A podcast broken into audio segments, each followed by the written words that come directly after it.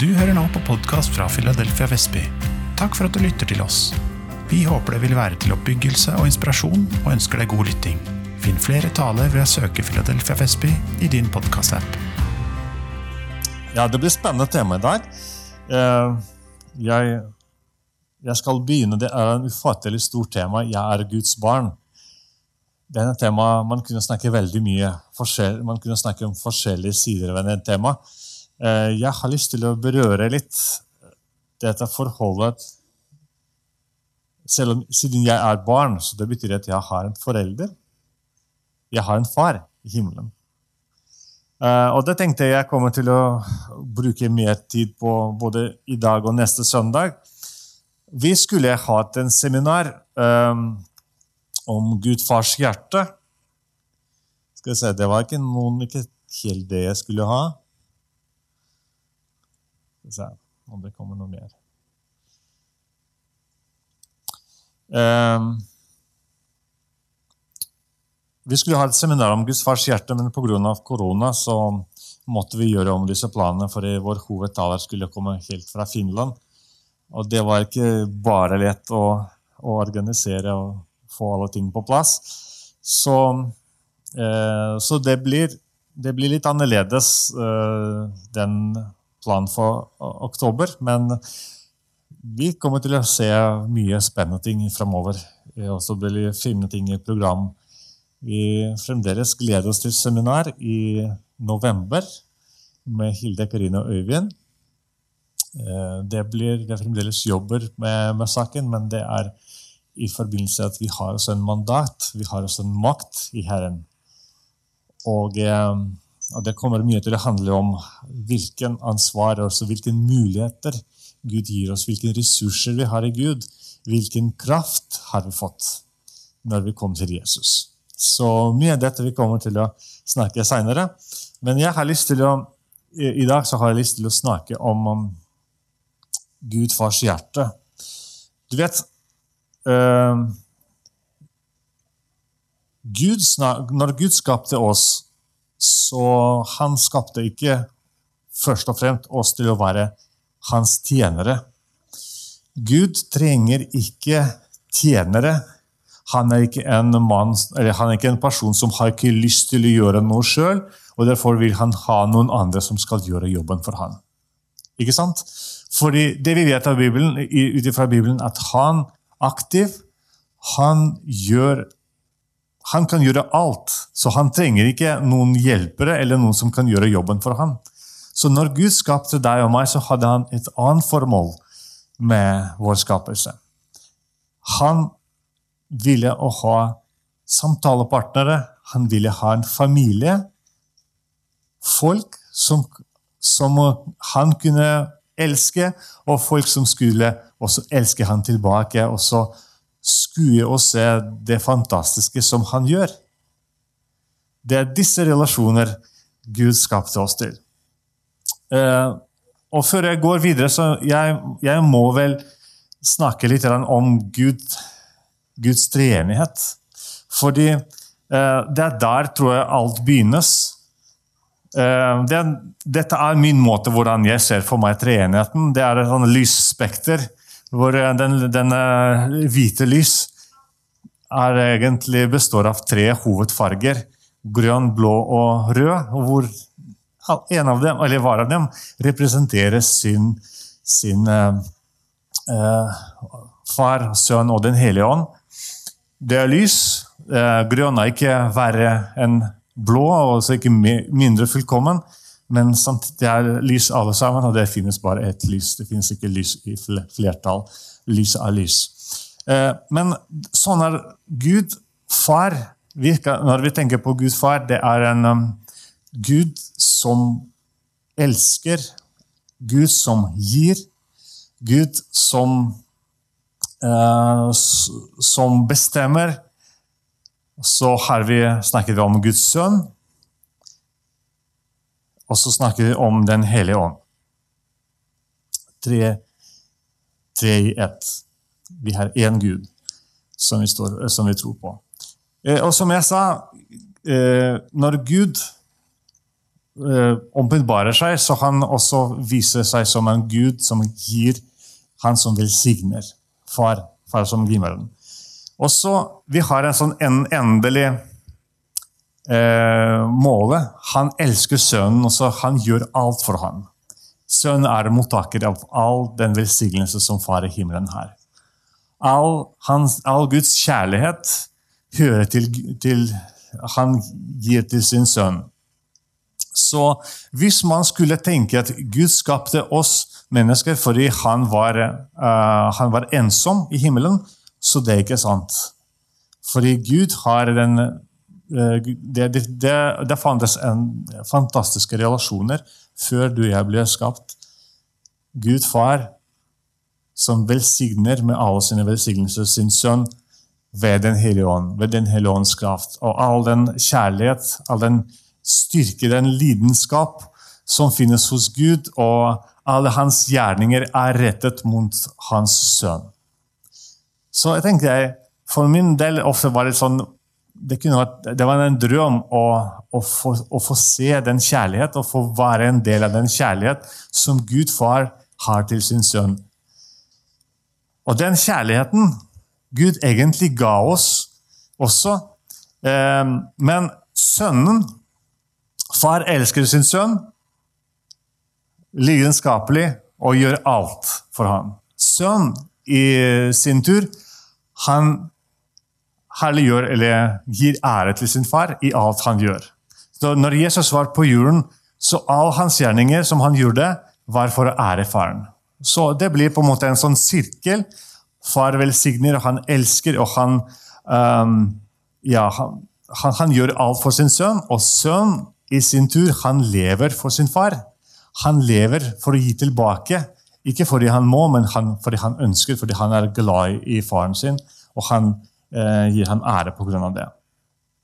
Så eh, nå har jeg lyst til å lese dette bibelvarset som, som sier litt om Jesus først som sier følgende Jesus han er den usynlige Guds bilde, den førstefødte for alt det skapte. For i Han er alt blitt skapt, i himmelen og på jorden. Det synlige og det usynlige, troner og herskere, makter og åndskrefter. Alt er skapt ved ham og til ham. Han er før alt, og i ham blir alt holdt sammen. Han er hodet for kroppen, som er kirken. Han er opphavet, den førstefødte fra de døde, så han i ett og alt kan være den fremste. For i ham ville Gud la hele sin fylde ta bolig. Og ved ham ville Gud forsone alt med seg selv. Det som er på jorden og det som er i himmelen, ga han skapte fred ved hans blod på korset. Gud bestemte for å skape verden, og han gjør det ved at han sier sitt ord. Og på den måten man kan, eh, man kan si når ordet, når ordet begynner å skape ting, da begynner vi å se Jesus. Da begynner vi Sønnen i skaperverket. Faderen eh, og den på en måte evige, eh, evige fødsel til Sønnen, den, det ordet som gir liv til alt. Så på en måte hele, universet, alt som vi har rundt oss, det er Jesus som skapte, eller Guds sønn som skapte, ved sitt ord. Og eh, alt som eksisterer her, han har eh, makt overalt, han råder overalt, og alt, eh, alt eh, på en måte som er skapt, skal bringe ære tilbake til Gud. Hvorfor, hvorfor er det viktig, eh, det jeg sier? Fordi du vet at når hele, skap, hele universet og hele skaperverket på en måte har den modellen at sønnen han er hodet overalt, og alt, Han regjerer overalt, og alt skal gi ære tilbake gjennom sønnen til Faderen. Så i denne skaperverket Gud også skapte noe, noe mer. Han skapte jorden, han skapte kloden, jordkloden, og her skaper også Gud mennesker. Deg og meg. Og så står det skrevet at han skapte oss i Guds bilde. Han skapte oss i Guds sønns bilde. Moses uh, skriver om dette sånn. Sa Gud, la oss lage mennesker i vårt bilde, så de ligner oss. De skal råde over fiskerne i havet og fuglene under himmelen, over fet og alle villdyr og all krypet som det kryr av på jorden. Så når Gud skapte deg og meg, så på mange måter vi er altså skapt likt Guds sønn. Gud ga oss mandat også å regjere over jorden, og så uh, passe på jorden. Og så alt som vi berører, alt vi gjør, skal også gi ære tilbake til Gud. Akkurat på samme som hele universet gjennom Jesus gir ære til Faderen. Alt som skjer her på jorden, alt som vi mennesker gjør her på jorden, skal også gi ære tilbake til Gud. Så på den måten Gud også ville at vi skulle vært lik Jesus. Og en annen ting ehm, så står det skrevet at i romerbrev at den som han har på forhånd, på forhånd har uh, vedkjent seg, har han også på forhånd bestemt til å bli formet etter sin sønns bilde, så han skal være den førstefødte blant mange søsken. Før Gud begynte å tenke på å skape verden, så han allerede har bestemt at du og jeg vi skal ikke bare være en del av hans skaperverket, men også skal være søsken til hans evige sønn Jesus Kristus. Vi skal være hans søsken, hans brødre og søstre. Og dette er en stor ære som Gud har bestemt for mennesker. Ingen andre har fått en sånn ære. Bare mennesker som er skapt på mange måter i Guds, bilder, i Guds bilde. Gud ønsker at vi eh, skal ha samme velsignelse som Sønnen har. All den kjærlighet som Gud far Husker du den bildet, den grønne sirkelen og den røde sirkelen? all den kjærlighet og den lidenskap og alle disse gode gjerninger som Gud far gir til sin sønn ved Den hellige ånd. Han, Gud også har lyst til å velsigne deg og meg også med hele den rikdommen som Gud far, giveren, har i himmelen. Han har lyst til å gi deg alt dette. Så vi skal snakke videre hvordan man skal få dette. Men det er veldig viktig at uh, Jesus er den førstefødte. Han har den litt, sånn, litt sånn Hva heter den e, uh, Ja, det norske ordet jeg glemmer. I, I, dag er det ikke bra uh, dag for, for, å kunne alle norske ord, men ed, edelsrett er det noe som heter? O, odelsrett, ja. Riktig. Odelsrett. Det finnes, Jesus har, Jesus har den førstefødte. Og han eier alt, men, eh, og han har sånn en spesiell status i Guds øyne. Men du og jeg, vi er også Guds barn. Så vi er ikke, vi er ikke den Har ikke lavere verdi, og Gud, Gud, ser ikke på oss. Gud gjør ikke forskjell på sine barn. Det vil jeg påstå. Så selv om Jesus er den ene barnet, og han er evig Gud, så vi også kan få alle de andre alle velsignelser som Jesus har. Um, og bare for å, for, å, for, for å, si det videre, dette Gud har bestemt oss at vi skal ha Vi skal ikke bare være noen ja, noen liksom barn. Jesus sier at snart ser ikke verden meg lenger, men dere skal se meg. For jeg lever, og dere skal også leve. Den dagen skal dere skjønne at jeg er i min far, og at dere er i meg, og jeg er i dere. Det kan hende at jeg viste dette bildet før, men dette bildet er så viktig for meg personlig, så jeg har lyst bare til å dele det en gang til. Hvis du tenker igjen på Gud far, og du har Jesus sier at 'jeg er, jeg er i min far', så sier Jesus videre at 'dere er i meg'. Og min ånd, eller 'jeg er i dere'. Så Gud plasserer, har lyst til å plassere oss midt i hans hjerte. Midt i Vi er ikke, vi er ikke på, på periferiet som Gud velsigner livet, altså, eller gir noen smuler med hans velsignelser, men Gud har lyst til å plassere oss midt i de relasjonene hvor hans kjærlighet øses. Hvor far øser sin kjærlighet gjennom Den hellige ånd på Jesus. Og han har lyst til at du og jeg i Kristus skal oppleve alle disse velsignelser også. Er ikke det fantastisk? Amen. Um, og vi har blitt Guds barn på grunn av Jesus. På grunn av Jesus, Jesu tjeneste. I Fesebrev så står det skrevet Velsignet er Gud, vår Herre, Jesu Kristi Far, Han som i Kristus var, har velsignet oss med all åndelig velsignelse i himmelen. I Kristus utvalgte han oss før verdens grunnvoll ble lagt, til å stå for han, hans ansikt hellige og uten feil. I kjærlighet og etter sin egen gode vilje avgjorde han på forhånd at vi skulle få rett til å være hans barn ved Jesus Kristus, til lov og pris for hans herlighet og nåde som han overøste oss med i ham som har elsket, elsker, i ham som han elsker så høyt. Gud elsker Jesus så høyt, og i ham også overøser Gud overøser oss med sin kjærlighet. At vi skal ha rett til å, få, til å være hans barn. Når Jesus, uh, når Jesus ble eller, eller sånn, Når du tenker på vi er Guds barn, så det første ting Vi er skapt i Guds bilde. Det vil si at vi har noe av egenskaper som Gud selv har. Som f.eks. det kan være Det er ikke teologitimen, så jeg kommer ikke til å bruke veldig mye tid på det. Men f.eks. å være kreativ. Å, ha, å tenke rasjonelt. Og så gi ære til Gud rasjonelt. Det er, altså det, det er bare oss som har den, den egenskap.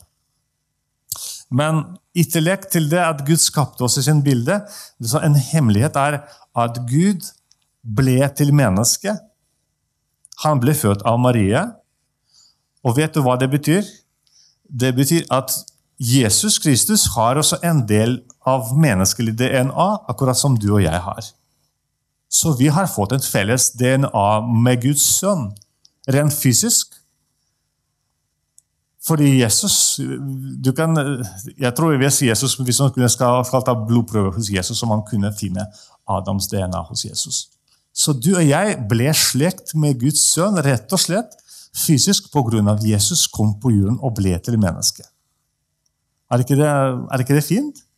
Jeg syns det på en måte gjør meg litt nærmere Guds sønn, rett og slett fordi han kom på jorden. Og Bibelen sier at hans navn er Emanuel, Gud er med oss. Eh, Jesus, Jesu inkarnasjon, som jeg kaller det, Gud ble som en av oss for at vi kunne bli som han er. Han, ble, han, levde som en av oss. Han spiste og drakk, og han, var, han er ikke bare ånde, på en måte ånden, men han også hadde kropp, som du og jeg har. Men tredje ting, hvordan Gud gjorde oss til sine barn, det er at ved Jesus, når Jesus døde på korset, så han betalte for våre synder. Og så sier Johannes, men alle som tok imot ham, dem gav han rett til å bli Guds barn, de som tror på hans navn. Ved at vi også tar imot Jesu offer for oss ved troen. Den prosessen til å være Guds barn blir helt komplett. Da er vi Guds barn. Jo, vi ble, vi ble skapt i Guds bilde. Vi har relasjoner med Jesus fordi han også ble til kjøtt, kjøtt, og blod som vi, oss, som vi også. Men det viktigste er at han døde for oss, og ved vi tar imot hans offer, så blir vi til Guds barn. Eh, den som tror på Guds navn Jeg skal si, jeg går litt tilbake. Den som tror på Guds navn, på Hans navn jeg, er, Man kan si veldig mye om dette, om, om Hans navn, men jeg tenker Jesus, Jesu navn Jeshua betyr Jehova frelser. Så det er to ting som man kan huske om man skal tro på når man tenker på, Jeshua, på Jesus. At han er Jehova, at han er Gud, og at han er frelser. Han er min frelser. Amen. Men så går jeg litt videre. Eh, Jesus har et navn, men det som er spesielt med Gud, som din og min far, at han kjenner våre navn. Han ikke bare skapte oss så at Jesus uh, på en måte gjorde alt så at vi skulle være hans barn, men han kjenner mitt navn og ditt navn. Og Det er litt, litt mer spennende enn bare det du hører nå. For Det er ikke noe særlig stort hvis Gud kjenner at jeg vet at jeg heter Pavel. Fordi det vet flere andre også. Men det er ikke det det betyr. Fordi uh, navn i Bibelen det også betyr at uh, det er ofte uh, måtte koblet sammen med noen egenskaper som man, som man har. Um, og så, vi, har, vi foreldre vi har den privilegium til å gi navn til våre barn. Så jeg syns det er egentlig veldig stort å velge å gi navn til sitt barn. Eh, og så Av og til så man tar, velger navn bare fordi den, den lyder, bra ut, lyder bra. Så jeg valgte også å se litt på betydningen av navnet, for jeg syns det er litt sånn fint at dette skal også ha en uh, fin klang. da, som uh, Markus var rett og slett fordi han var en av medarbeidere til Paulus i sin tid. og jeg, Paulus og Pavel på russisk det er samme navn. Og Markus det er sånn, Jeg tenkte at vi kan være gode kompiser og så tjene sammen i Guds rike. Eh, noen andre navn så hadde det litt sånn, uh, har, har, noen historier bak det. Men sånn, når du ser også i Bibelen, når f.eks. Eh, Isak eh, gir navn til Jakob da. Han ser at Jakob ble født, og Jakob han, han var en av tvillinger, og han kom nummer to fra, fra, fra ja, ble født nummer to, og så han holdt ved hælen ved sin bror. Og så tenkte sikkert Jakob, nei, Isak tenkte ja, det var en luring. altså. Han, uh, han tar en uh, lettvint uh, løsning. altså. Så fikk han navnet Jakob, som egentlig betyr luring. og så Seinere, når Jakob også kjempet med Gud Jeg vet ikke om du husker den historien. Det var en natt han, han, hennes engel kom, og så Jakob kjempet med han. Så da den natten fikk Jakob et nytt navn, som Israel, som betyr 'den som kjemper med Gud'. Så navn i Bibelen ofte koblet til en eller annen uh, forventning, som f.eks. For Noah betyr uh, det, det, har noe med at det blir trøst, det blir hjelp i vårt arbeid. og som jeg sa, Jesus eller Jeshua betyr Jehova frelser. Så Gud, når Gud eh, snakker om navn, eller når Gud sier at 'jeg kjenner ditt navn' Gud kjenner vår karakter. Han vet vårt kall, han vet hva vi er gode på, han vet hva vi er skapt for. Så, og dette varselet har vi lest nå. Og nå sier Herren, som skapte deg, Jakob, som formet deg, Israel. Vær ikke redd, jeg har løst deg ut, jeg har kalt deg ved navn, du er min. Går du gjennom vann, er jeg med deg. Gjennom elver skal de ikke flåme over deg. Går du gjennom ild, skal skal du ikke svi deg, og flammen skal ikke brenne deg. For jeg er Herren, din Gud, Israels hellige, som frelser deg. Herre, dette, dette er um, varsel, liksom budskapet til Guds folk. Og Vi også, vi hørte om dette før søndag, dette om, om Jakob og Israel. Også, at Israel og kirken er et folk. Så dette ordet egentlig hører til hele kirken. Hele menigheten i dag. Om du går gjennom elven, skal, de, skal elver skal ikke flomme over deg. Om du går gjennom flammen, skal det ikke brenne deg. Fordi vi, er, vi har fått dette navnet. Vi er seier i Herren. Uansett. Uansett hvordan livet går, Bibelen sier den rettferdige han faller sju ganger, men han reiser seg uansett. Du kan oppleve mange vanskeligheter. Du kan være skuffet over deg sjøl, over mennesker rundt deg. Man kan også bli helt utbrent i tjenesten. Men hvis man holder seg ved Herren Man blir som en ung, unge menneske, eller det Jesaja sier, unge mennesker kan falle. Men de som er i Herren, de skal løfte sine vinger og komme til å fly. Fordi Gud gir oss styrke. Det er navnet som vi har fått til Herren. Vi er Hans barn, vi har seier. Amen. Han kaller deg ved navn. Vet du hva? Eh, jeg kan dele litt av min egen historie, kanskje. Eh, fordi dette At Gud kjenner mitt navn, det er også veldig spesielt. Fordi jeg av og til, eller ofte så vet jeg ikke hva jeg er god på. Eh, og det finnes mange skjulte skatter i hver enkelt av oss. Eh, og jeg kan si at av og til sånne uforventede situasjoner i vårt liv de også kan eh, vise oss flere ting som vi er gode på. Som f.eks. man kan miste jobb. Og så begynner du å lete etter jobb, og så finner du ikke samme type jobb. Men så tenker jeg ok, kanskje jeg skal prøve noe nytt. Kan gå i en annen retning. Så finner man ut Oi, men dette er jo dette er et drøm. Jeg tenkte ikke at jeg var god på det. Og det plutselig man oppdager helt ny område i sitt liv som man er god på. Eh, man kan miste et nettverk og plutselig finner at man er, eh, finner nye venner. Og det blir helt ny verden med nye muligheter. Det er noe som Gud visste om deg før, at du er god på det. Og at jeg også er god på det. Men ofte vi sjøl vet ikke om det før vi treffer disse situasjoner. Eller en, en, det kan bli en sånn sykdom som plutselig utløser en tankeprosess eller en leting, og vi finner nye kvaliteter inni oss, rett og slett. Ehm, jeg husker dette verset, eh, eller det er også en del av en sang som jeg hørte en gang. og det var, Den hørte jeg i flere måneder i 2017. var det. Nei, 2018. Januar, februar 2018. Jeg gir deg skatten som er skjult i mørket, og rikdommer hjem på hemmelige steder, for at du skal kjenne at jeg er Herren, som kaller deg ved navn. Og så Vi hadde fire barn, og så plutselig får du et barn til. Og det tenkte jeg uh, Og jeg tenkte med en gang Og jeg, jeg, jeg trodde vi var ferdig. Jeg trodde vi var ferdig med fire. Og så tenkte jeg nå kanskje, jeg, jeg tror ikke jeg, klarer ikke til å være far til fem, for sånn, det er jo mye ting å tenke på. Det er, sånn, det er så mye med barnehage og skole og så alle fritidsaktiviteter. Her, her, går mine grenser. Men så fikk vi nummer fem, og så tenkte jeg først tenkte jeg, oi, dette blir, det, det, det er jo en til. Men vet du hva?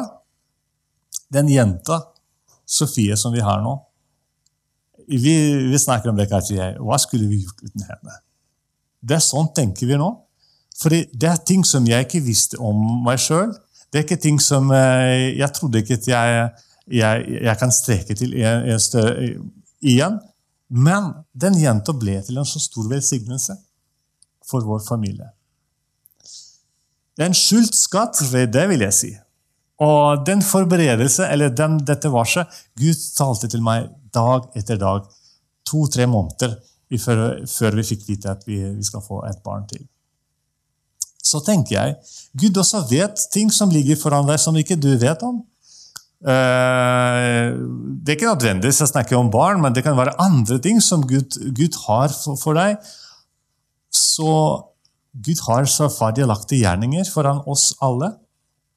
Så av og til så vi må bare tørre å gi Gud sjanse og vise oss at det ligger noe mer inni oss som vi vet ikke om, men Gud vet. Fordi han skapte meg med de gavene og talentene som jeg har.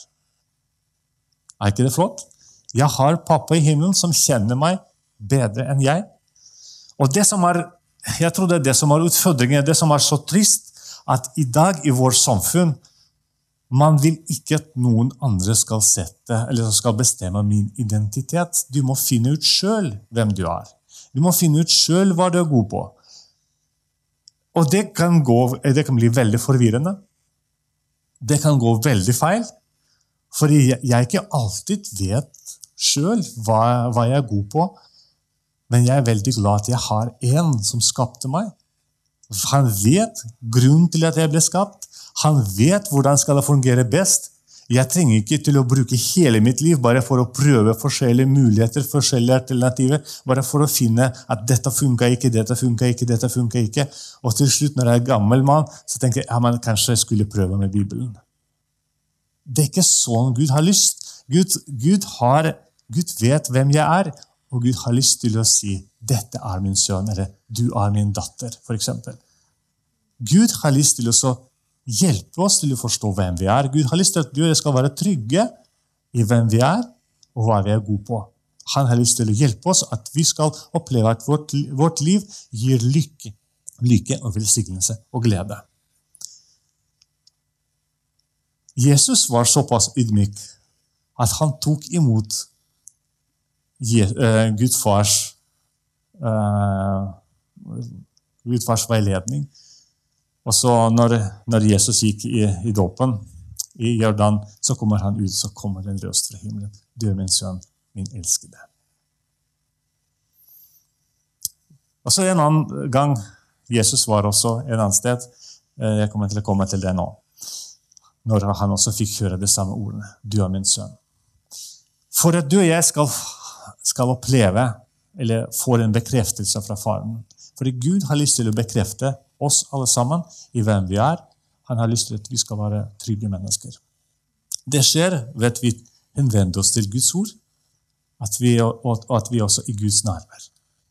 Når vi er i Guds nærvær, når vi bruker tid sammen med Faren, og så leser og studerer Guds ord Dag for dag Gud kommer til å bekrefte oss og vise oss større bilde av hvem vi er. Jesus gjorde det flere ganger. Du vet at når han gikk i dåpen, han døpte seg, for det var ikke fordi han følte for det, men han sa til Johannes dette er, jo, dette er riktig å gjøre, og jeg gjør det. Jeg gjør det fordi jeg har lyst til å tjene Herren.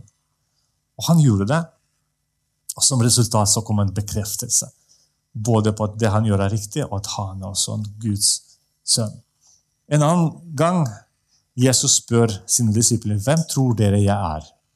Og Da svarer Peter du er Guds sønn.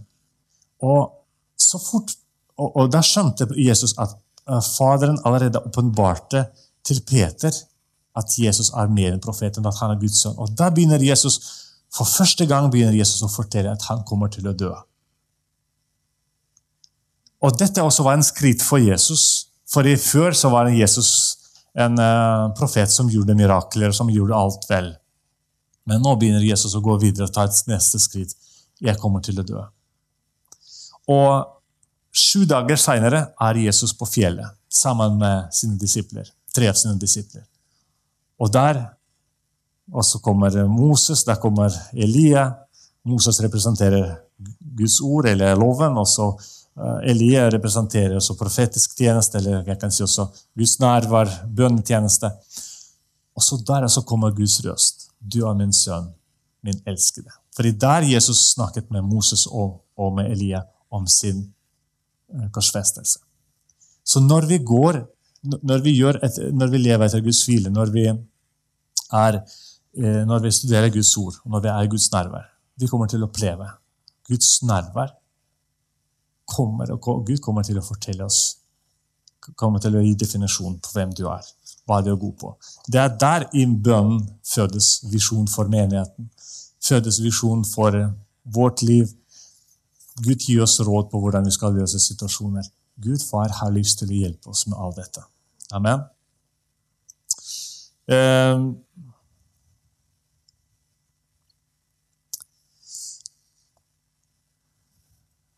Jeg går eh, litt videre.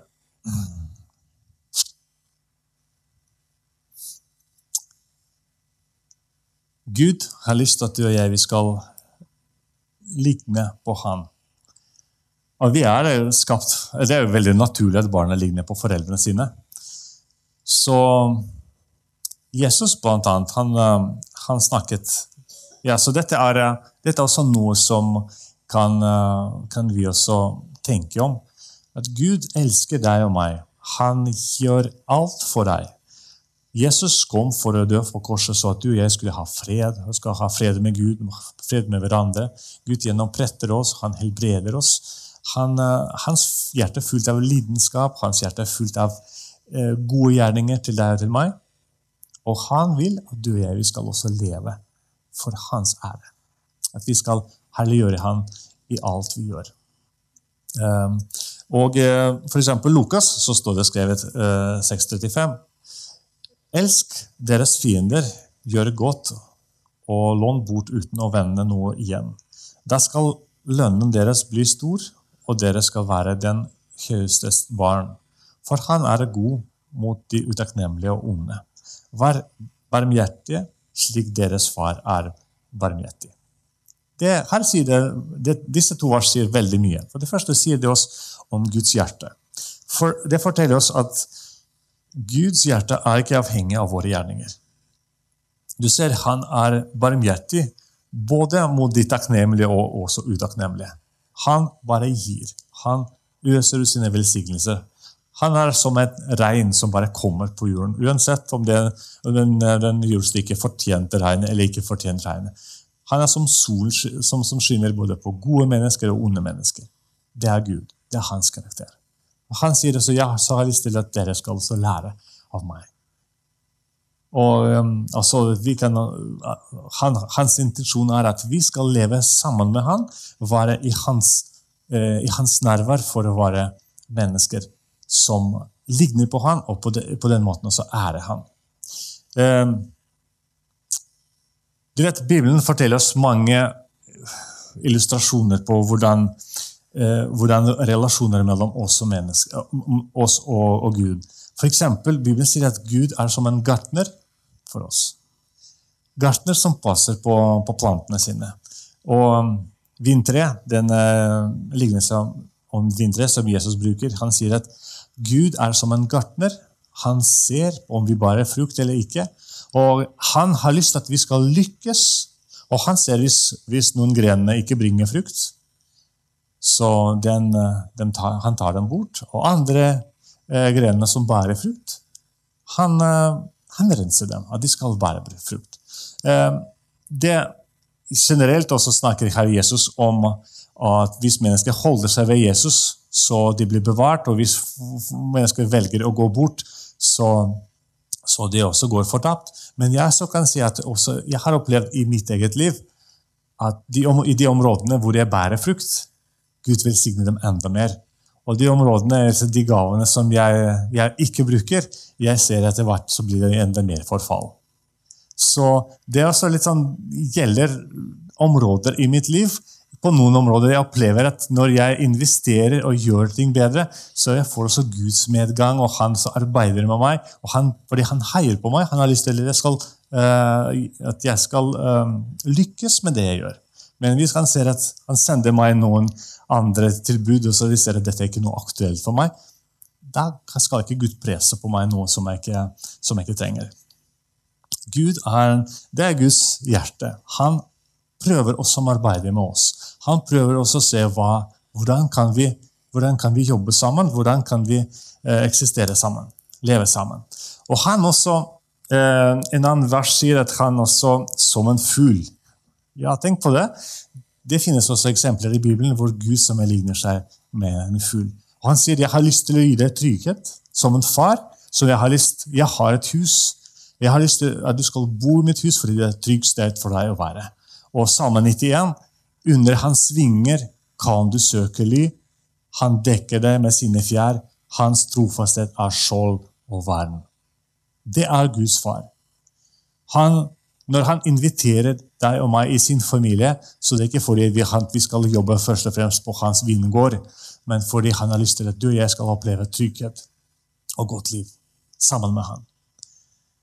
Det er dette han skapte oss for, først og fremst.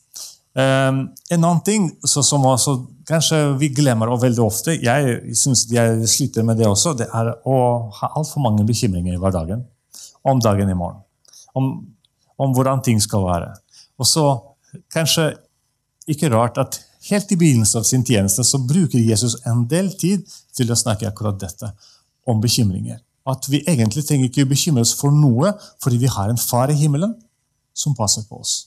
Han vet at vi trenger mat, at vi trenger drikke, han, han trenger at vi trenger jobb og andre ting. Og han, han sier at vi skal ikke bekymre for noe, for deres far i himmelen vet at dere trenger all dette. Søk først Guds rike og hans rettferdighet, så skal dere få alt det andre tillegg. Så dette er noe av disse relasjonene, noe av Guds fars hjerte. Gud som, som vet hva jeg, hva jeg, er god på. Gud som vil forsørge meg med alt jeg trenger. Gud som har lyst til å gi meg trygg, trygghet. Og Gud som hele tiden se at han vil utvikle meg. Han vil at jeg skal vise fram mine gode sider ved at han også eh, gjødsler den, den vingården. Altså han ser at jeg kommer til å bære mer og mer frukt. Ikke fordi han trenger frukt, men fordi det er jo godt for meg også, bra for meg, å være fruktbar. Dette er min Gud. Um, Neste gang jeg har, vet ikke om jeg, om jeg holder den planen, men jeg har lyst til å snakke litt om to um, om lignelse. For i Gud også sammenlignes ofte med, eh, med en bonde som har barn. Og i hvert fall, Jeg i hvert fall husker to lignelser hvor Gud fremstår som bonde, og så han har barn. Den ene det er to sønner som gikk og jobba i vingården, og den andre en, en um, historie om den bortkommende sønnen. Gud har lyst til å ha relasjon og samarbeid med oss, som far og sønner. Og Jeg, det, uh, jeg opplever at uh, hjemme hos oss, i hvert fall um, så Jeg, jeg synes når jeg bruker tid sammen med barn, og når vi, når vi gjør ting sammen, det er der utvikles relasjoner. Det er, det er der kommer enda mer interesse. Eh, å delegere arbeid det er veldig effektivt. Eh, men ofte når man jobber hver for seg, så blir det litt kjedelig etter hvert. Spesielt jeg ser at barna når de får litt, litt lengre oppgave, som blir bare delegert, det blir alltid kjedelig. Men å gjøre ting sammen, det tar litt lengre tid, men det kan bli veldig gøy. Så det, det er sånne relasjoner egentlig Gud også kaller oss. Han har lyst til å være sammen med oss, han har lyst til at vi skal arbeide sammen med og at han skal være sammen med oss. Uh, og disse relasjonene er så Jeg vet ikke hvor, hvor, mye vi forstår hva egentlig innebærer dette å være Guds barn, og hvor nær kontakt vi kan ha med far, og hvor mye han kan være en del av vårt liv. Men når Jesus var på korset For hans det føltes som en tragedie når han kjente at faren var langt borte. Når han uh, ropte 'Far, far, hvorfor har du forlatt meg?' Dette var det verste som kunne ha skjedd.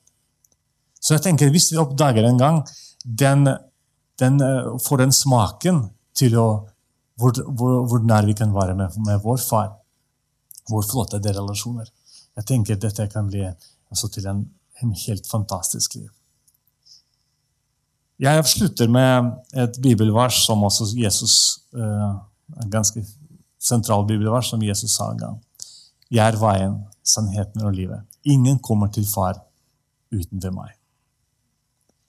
Jesus har lyst til å vise oss veien til noe av det mest fantastiske som finnes. Det at vi frelste, det er, det er takk og lov, fordi vi behøver ikke å tenke på å bekymre oss for, for uh, dommedagen eller uh, ja, men, men, Gud egentlig kaller oss til noe vakrere, til mye bedre. Og Jesus sier 'jeg er veien'. Jeg har lyst til å vise deg en vei til Faderen. En annen bibelvers som jeg skal ikke sitere, eller som, som jeg har ikke på PowerPoint, men jeg sier at jeg er døren. Og den som kommer, den kommer til å oppleve en uh, grønn fødme. Grønne beite. Så Jesus aldri inviterte oss til å komme til han for at vi skal være sammen med han. Men han alltid pekte på noe større som, han, som Jesus kunne vise. Han sier 'jeg er veien'. Veien til hva? Eller til hvem? Jeg er døren. Døren til hvor? Han pekte på Faderen hele tiden. Og når disiplene lærte, spurte han kan du lære oss å be, så sier Jesus ok, be sånn. Fader vår. Det finnes noe fantastiske som jeg tror du og jeg vi, vi skal uh, Vi allerede har oppdaget, de fleste, de fleste, av oss. Men vi kan også lære oss å bli bedre kjent med den Faren i himmelen som vi har. Som Jesus viser oss. Som har så mye godt for oss å tilby. Og som elsket oss så høyt at han ga sin eneste enebårne sønn, som døde for oss, for våre skylder. Kjære far. Jeg takker deg for den kjærlighet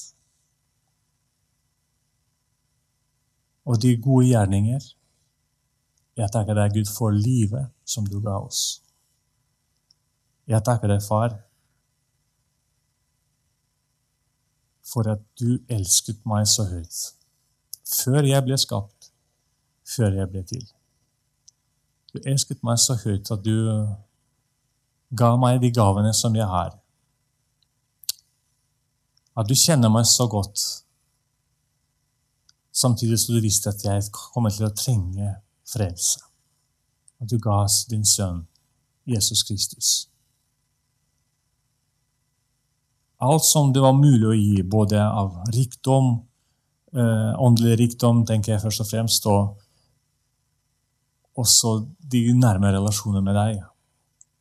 Du ga meg. Jeg takker deg, Gud. Det, det kosta masse. Det var smertefullt for deg, Gud, å gjenopprette meg som var synder.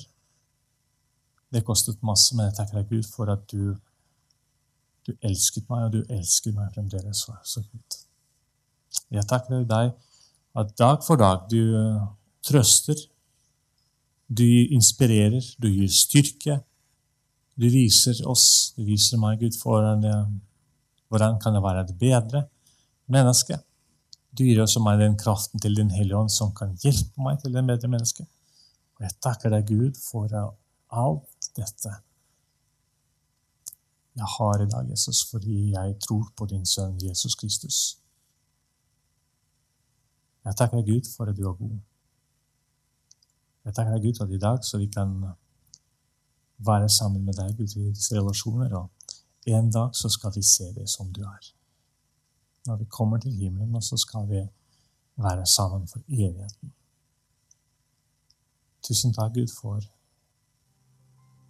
en ære å være mer enn bare skapning, men å være ditt barn. Halleluja. Er du nysgjerrig på Jesus og lurer på å bli med i en menighet, men vet ikke hvor du skal begynne? Da er du hjertelig velkommen hos oss i et varmt og inkluderende fellesskap. Se filadelfiavestby.no.